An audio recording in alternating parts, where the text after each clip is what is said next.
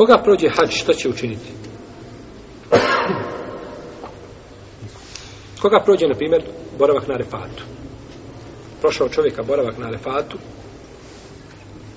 a završit će umru, znači tava saji, obrijati glavu i naredne godine mora to nadokrenuti. I mora zaklati hedi kada bude znači obavljao hađ nakradno. Na a sa njega spada ostali, znači ostali spadaju, ostali oni, jeli, propisi od poravka na muzdelifi, bacanje kamenčića i slično tome. I to je stav džumhura, dok hanefijski učenjaci kažu isto tako, ali ga ne obavezuju sa ne obavezuju ga sa kurbanom. Ako čovjek pogriješi dan arefata, ne mislimo na čovjeka, mislimo na sve muslimani. Muslimani, jel, bojali se Allah koliko su mogli, pogreše dana refata. I iziđu na taj dan i borave i stoje, oni su radili ono što se od njih tražilo. Kako spominje vam nevoj svojom djelom među moj. To spominje šeho samim temi u svojim fetvama. Kada muslimani iziđu taman, kada bi pogriješili taj dan, izišli nenamjerno, nego su pogriješili, izišli taj dan, to se računa kao boravak na refatu.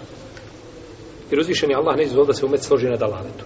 Pa kada svi muslimani izđu i stoje na refatu, treba stojati znači sa muslimanima i taj dan računati znači kao jeli, arefat a, a ne raditi suprotno tome. No, međutim, ako bi jedna skupina kazala danas je arefat, imaju argumente, velika skupina muslimana, Ali 10% se nije odvoji i kažu ne, ne, mi ćemo ovaj, po našem nekakvom računaju. Pa pogriješe, onda se njima ne broji. Onda se njima ne broji, nego dužnost je znači da slijede džemat muslimana. Dužnost je da slijedi džemat muslimana.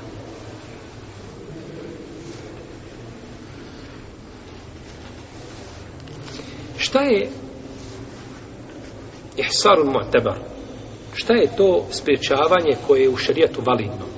odnosno koje se može tretirati kao sprečavanje čovjeka od nastavka, znači obreda.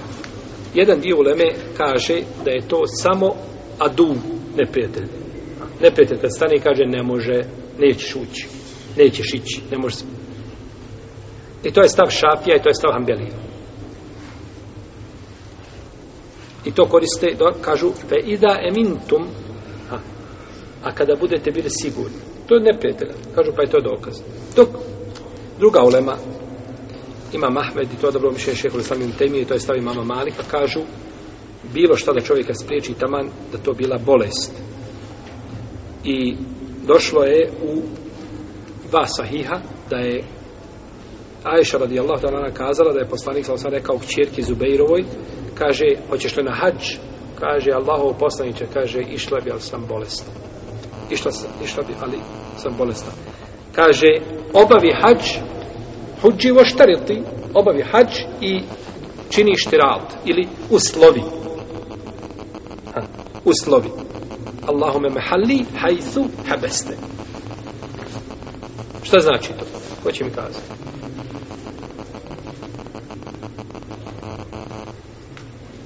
Jeste čuli za taj štirat, za to uslovljavanje? To smo spominjali. Allahu moj, moje mjesto, odnosno ja se oslobađam i hrama na mjestu gdje me ti zaustaviš. Jel u redu? Čovjek ide na hač i očekuje da bi ga moglo nešto šta zaustavi da ne može završiti hač.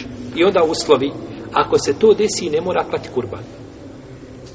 Zato što je šta? Uslovio. Ali ako ne uslovi, onda mora zaklati šta? Kurban je tako. Ako ne može zaklati kurban, onda će postiti koliko? 3 pa 7. Nikoliko, a? Kazali smo da neće nikoliko posti, tako? Kazali smo da se ne posti, jer ovo je ihsar, je li tako? Ovo je ihsar, ovo je a, spriječavanje, kada čovjek bude spriječen. Pa je ovaj, ovaj hadis dokaz, šehol, samite mi imamo mali, prije toga imamo Ahmed. Dokaz je znači da može bolest biti ono što će čovjeka šta? Spriječiti. Nije samo neprijatelj može biti bolest. Pa ovako bi čovjek, znači, mogao pogledati čovjeka, jedan zna propis i učini, drugi ne zna i mora se iskupiti. Tako da propis i poznanje propisa braća čovjeka ne može donijeti nego dobro. Ne može donijeti nego dobro ovaj u njegovom dunjalku i njegovom ahiretu.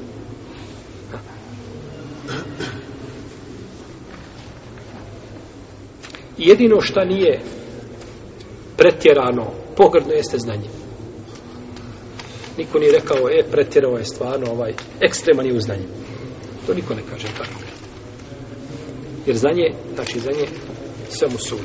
Pa tako isto znači i ovdje kada su pitanju propisi.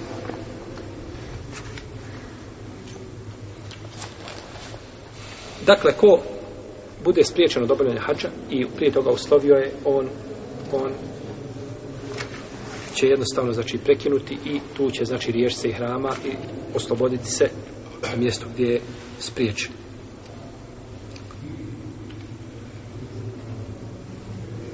A ako nije uslovio, riješće se i hrama umrom. Riješće se i hrama, znači umrom. I mora zaklati hedi kod džumhura ili uleme zbog riječi Allaha tebara ktala fejnu hsirtum kome ste i sara minal hedi. Džumur Uleme smatra da čovjek koji je spriječen ne mora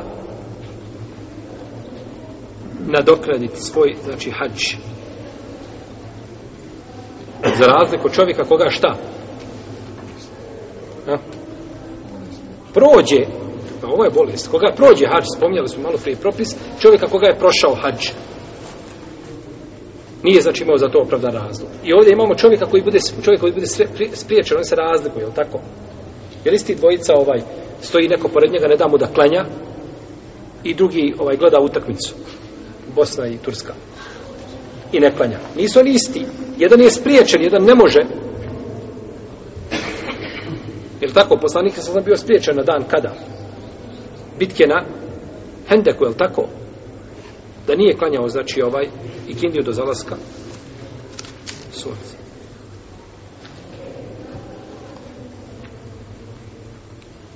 Znači nije du... jedino ako se radi o hađu islama.